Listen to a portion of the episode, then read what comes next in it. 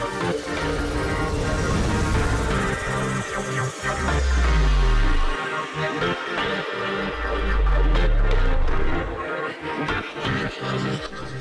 story time. Storyteller aku hari ini seorang teman pastinya yang udah lama banget aku nggak ketemu. Saking kangennya aku telepon, aku ngajak podcast langsung jawabannya iya. Appreciated banget sih. Siapakah dia? Indra Brukman. Hai Cacu. Hai juga. Masih manggil aku Cacu ya? Cacu dong, harus Cacu gitu. Thank Itu kan panggilan kesayangan. Amin. Sama-sama terima kasih banyak udah masih inget. Selalu, selalu lihat di Instagram sih sebetulnya. Dan gue bilang ini masih hits ya, bisnisnya bagus, semuanya bagus. Habis mau gimana lagi Cacu kan udah nggak main sinetron kan harus ada Kegiatan job-job baru. sampingan gitu ya untuk bayar listrik. ya nggak sih? Bisa Beli aja. baju gitu. Dek, kita mau bahas tiga hal. Hmm. Indra Brukman dan karir, Mhm. Indra Brukman dan bisnis karena sekarang kamu lagi banyak bisnis dan pasti yang terakhir keluarga terutama ibu. Mhm. Mungkin kita awal dengan karir ya, Dek. Mhm. Kamu kan saya tahu datang dari Tasik. Mhm. Awal tuh tahun berapa ya? Dulu itu ke Jakarta tahun 97. 97. casting di Salah satu salah PH. satu PH terus dapat peran yang Jinio Jini itu. Ha-ha. Udah deh tuh sampai sekarang. Awalnya emang pengen masuk dunia entertain atau emang secara kebetulan? Sebenarnya nggak pernah terpikirkan dulu untuk masuk dunia entertain ya. Dun- masuk dunia entertain itu dimulai eh, masuk perlombaan model dulu. Oh. Itu pun karena tiba-tiba teman SMP itu ngajak SMP apa SD ya? SD kayaknya. Mm. Kelas 6 tuh ngajak eh, perlombaan di sebuah mall dan nggak tahu kenapa tiba-tiba langsung mengiyakan padahal pada saat itu kan gue bukan tipikal orang yang berani untuk tampil gitu cenderung untuk eh, minder orangnya tapi kenapa itu pada saat itu mau terus akhirnya ikutan juara satu ya udah jadi ketagihan gitu akhirnya eh, tahun 95 ikutan perlombaan di sebuah majalah eh, remaja Iya.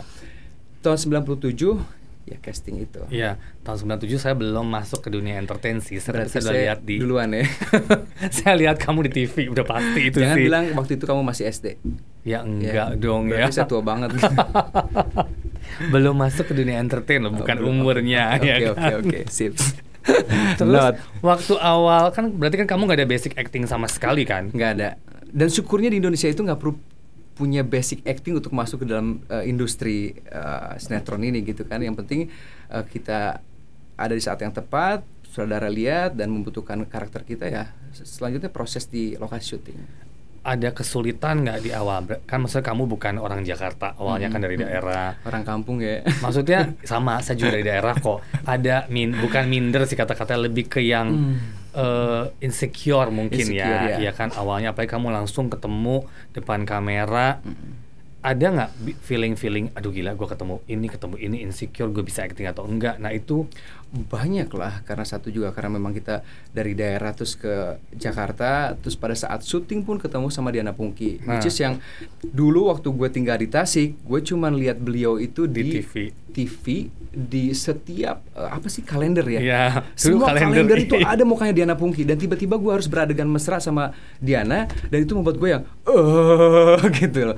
Banyak banyak gitu. Jadi eh, tapi bersyukurnya mereka itu yang mengayomi yang mereka tahu bahwa gue ini pendatang baru dan perlu untuk dikasih tahu dan dikasih arahan. Mas Eko almarhum Ya, terus juga betul. Bang Jaka itu mereka yang dengan sangat sabar eh, apa ya melatih gue mengajari gue semua tentang eh, acting gitu sempat dimarah-marahin saudara nggak? Sempat mengalami hal-hal itu nggak? Eh, alhamdulillah sih nggak ada ya. Nggak ya? Nggak, nggak seperti teman-teman yang lain yang mereka suka dilempar gelas, dicaci, dimaki gitu kan. Bersyukur gue masuk ke dalam dunia entertain ini, dunia syuting ini dengan cara yang boleh dibilang gampang. Pada saat pertama kali casting langsung dapat peran itu, ketemu dengan orang-orang yang baik pula. Berarti langsung main talent ya? Langsung main talent. Wow, itu bersyukur sih. Mm-mm, dari Tasik loh ya, Iya. gitu ya. yang nggak pernah memimpikan bahwa akan uh, masuk dunia model, dunia sinetron, terus tiba-tiba dapat uh, peran langsung di uh, sinetron yang cukup fenomenal itu. Gitu. Terus masuk MD itu tahun 2004 kalau nggak salah ya. Mm-mm. Kau dan aku apa apa ya? Yes, kau dan aku 2004, I think I don't remember sih. Itu waktu kan Indra sudah besar lah. Kita maksudnya mengejar karena ya kita baru, waktu PH baru dan eh, semua yang kita tarik bintang-bintang besar untuk at least kayak stempel nih MD nih der keluar gitu kan. Mm. Awalnya kan juga kita bikin dengan hik dengan ikhlas Tamara Tengkurian terus masuk kau dan aku kebetulan ceweknya kan baru banget Grace kan Luna kan waktu itu kan dan langsung boom gitu kan. Iya. karena emang dia keluar dengan sesuatu yang baru kan gitu Ini kan. pertama kali lu namanya muncul di sinetron ya? Yes. Itu Yes. pertama kali lihat namanya dalam frame gitu kan. Cantik banget ya. Iya emang dengan rambut yang kemerah ke Uh-uh. apa ya gold gitu Iya. emas gitu terus aduh, boleh banget ya dan cantik banget Cantik banget. emang nah kesannya waktu pertama syuting Luna kan juga baru Hmm. pasti kamu juga tahu posisi-posisi itu gimana tuh awalnya Iya karena kita udah terbiasa dengan gue juga uh, pernah ada satu momen di mana gue juga baru dan orang-orang senior itu juga cukup merangkul dan kita juga uh, tahu betul bahwa dunia sinetron ini bukan cuma dunia perorangan kerja perorangan tapi kan kerja tim. Tim. Jadi bagaimana kita membuat Luna Maya itu uh, nyaman, di Nyaman. lokasi terus juga nyaman juga untuk kita uh, beradegan yang seperti layaknya seorang kekasih gitu. Jadi ya eh, mencoba untuk memahami bahwa dia pendatang baru dan gue cukup eh, udahlah ada pengalaman di sini ya jadi kita bikin senyaman mungkin lah Iya gitu. sih. Dan itu peran kamu itu kan buta kalau nggak salah ya. buta tapi buta bisa naik motor itu lucunya gitu. Dan sinetron ya. Ya, sinetron. Itulah sinetron. Iya, tapi mm, Pernah nggak memerankan peran-peran sebelumnya buta?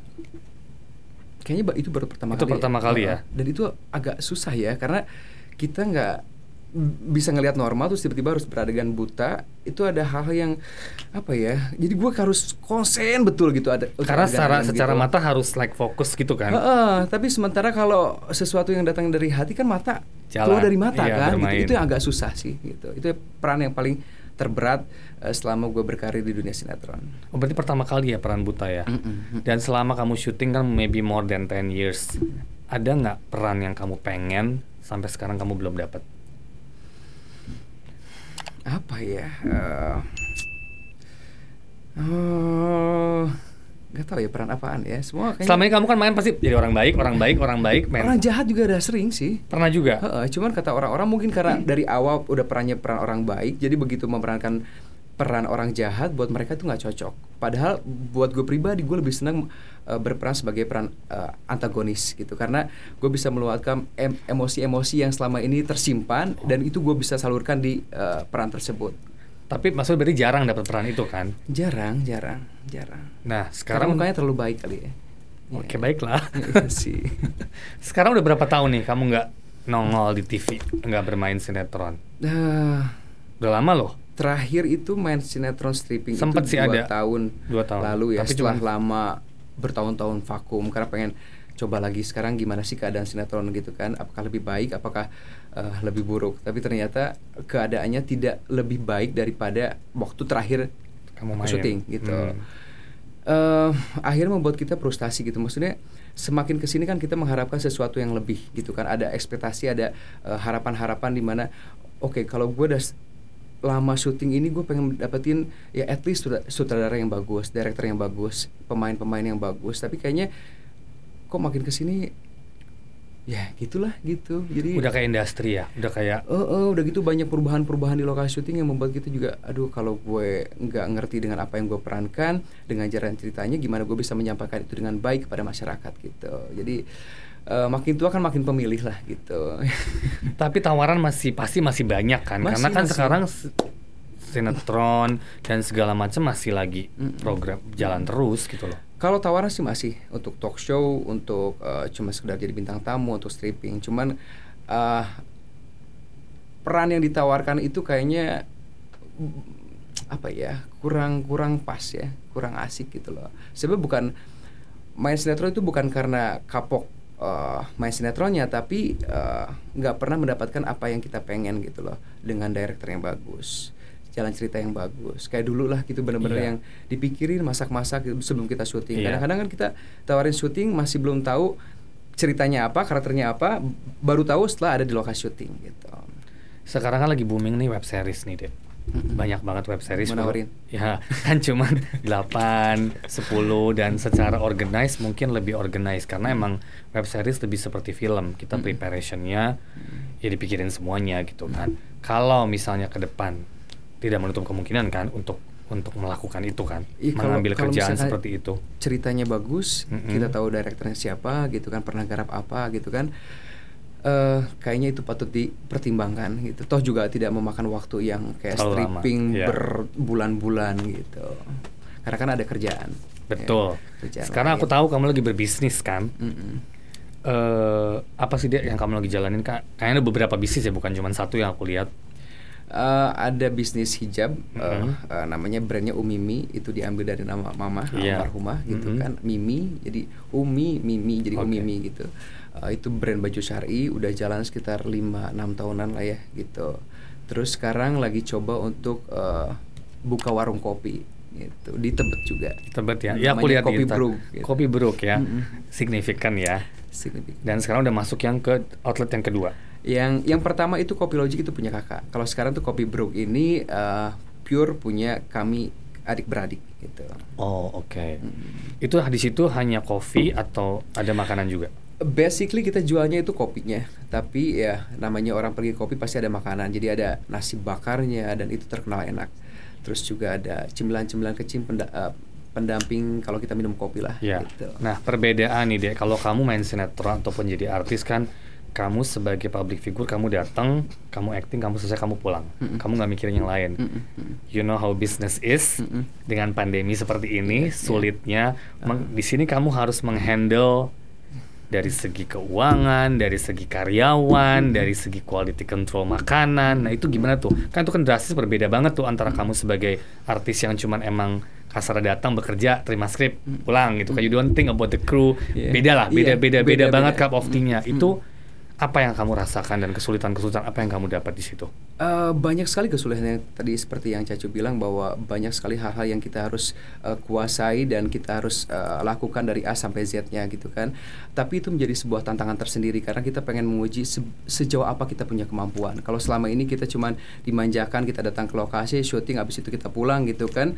eh, tanpa memikirkan proses editing, jalan cerita apa segala macam. Kalau sekarang dengan bisnis yang baru ini, semua aspek yang terlibat dalam eh, sebuah bisnis itu harus benar-benar kita kuasai dan eh, alhamdulillah saya bisa dan mampu untuk melewati itu semua gitu. Jadi banyak banget tantangan tapi membuat kita menjadi lebih apa ya eh, merasa bahwa oh ternyata kita mampu gitu loh. Kita mampu bukan karena kita eh, eh, apa ya? Karena kita mau belajar gitu. Em, banyak apa ya? Kalau saya saya tuh tipikal orang yang suka dengan uh, punya kontrol walaupun lebih ribet prosesnya tapi at least I have my own control gitu loh Mhm. jadi um, di bisnis itu saya dapetin kontrol yang saya mau. Karena saya berkuasa atas semuanya, Semuanya. kalau di syuting emang memang enak. Tapi kadang-kadang kan kita harus ngikutin uh, semuanya, ya, karena ya banyak- kan, banyak aspek lah. permintaan Iya, PH-nya apa segala iya. macam yang membuat akhirnya ah kayaknya kayak pe- pengen punya bisnis yang kita punya uh, kuasa atas semuanya gitu loh. Jadi nggak bisa diatur atur saya memang tipikal orang yang susah untuk diatur sih. Dan gak mau diatur juga. Seberapa besar nama Indra Brukman membantu di bisnis kamu ini? sangat membantu Sangat gitu. membantu ya. sangat membantu apalagi untuk perkenalan sebuah produk baru. Tapi Hmm. kan uh, balik lagi kalau kita berbisnis itu tidak bisa mengandalkan cuma sebuah nama yang dikenal orang, tapi uh, produknya paling penting. Yes. Untuk pengenalan, ya nama saya mungkin cukup membantu untuk kita mengenalkan sebuah produk, tapi balik lagi pada kualitas yang kita tawarkan kepada konsumen itu yang lebih penting. Ide pakai nama Coffee Brook dari dari kamu sendiri pastinya. Sebenarnya nggak, tanya Hmm. mau copycat. Cuman kok copycat perempuan banget gitu Iya. kan, copycat, copycat gitu. Ya udahlah, eh, udah kan kakak sama adik gitu kan udah Mm-mm. ngomong, udah pakai nama Brook aja. Mereka bilang begitu. Jadi idenya dari mereka bukan dari aku. Tapi signifikan sih jatuhnya. Dan tadi Coffee kamu Brook. bilang nasi bakarnya si, eh, favorit ya. Mm-mm. So berarti kita perlu coba tuh. Harus coba kalau suka yang pedas-pedas apa segala macam tuh ada di situ. Nanti one day Nasi saya bakar. ke sana. Masih Cumi takut. ayam harus dong. Masih takut keluar. Jangan takut-takut ini udah, se- udah setahun loh dengan keadaan Udah kayak setahun begini. emang. Terus kamu juga sempat iseng-iseng bikin YouTube kan, Dek? Ah, ah, ah. Terus kenapa tuh nggak lanjut? Aku sempat lihat lucu sih, kayaknya kan eh, kayak eh, memory back with Jaka, Iya. with all that people kan. Ya tadinya kan kita mau mengulang apa ya eh, sebuah momen tapi Hmm. ternyata momen itu nggak bisa diulang dua kali ya dan satu dan keduanya adalah eh, ternyata membuat sebuah eh, konten YouTube seperti itu tuh bukan hal yang gampang banyak hal yang harus kita pelajari yang ketiga yang paling penting adalah pada saat saya mengerjakan itu eh, mamah lagi sakit sampai akhirnya membuat saya yang agak sedikit uh, kurang telaten, kurang waktu untuk beliau.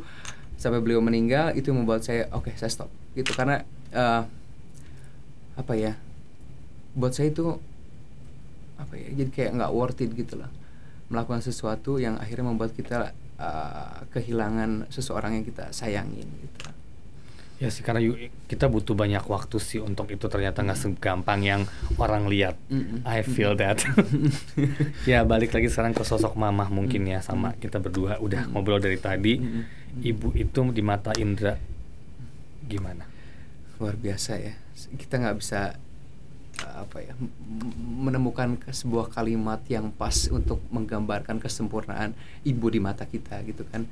Kalau buat saya tuh ibu tuh ya segalanya gitu fans nomor satu, pendukung nomor satu gitu yang mengajarkan kita tentang semua hal yang kita tahu sampai kita bisa jadi seperti sekarang ini. Saya percaya bahwa saya bisa jadi seperti sekarang ini sekuat ini gitu kan karena doa dari beliau. Pasti, gitu, gitu. pasti. Jadi, begitu beliau nggak ada itu kayak dunia tuh runtuh gitu karena saya dalam proses uh, apa ya berusaha untuk belajar untuk yakin yakin bahwa beliau akan sembuh pada saat itu karena cuman jatuh, jatuh aja yeah. nggak kena apa-apa gitu kan. Terus juga beliau masih juga ngobrol apa segala macam yakin bahwa beliau itu akan sehat. Tapi ternyata Tuhan berkehendak lain gitu. Jadi ya kayak apa ya kayak masih nggak percaya sampai sekarang pun gitu. Tapi ya udah takdirnya begitu ya. Ada penyesalan nggak apa yang kamu belum lakukan untuk ibu? Hmm aku nggak mau lari ke arah sana ya tapi okay. uh, banyak sih banyak lah banyak hmm. hal-hal kecil lah kayak misalkan uh, uh, dengan keadaan pandemi begini jadi kayak kita kemarin tuh ngurung diri sama ngurung kita diri, punya sama problem yang gitu sama gitu kan.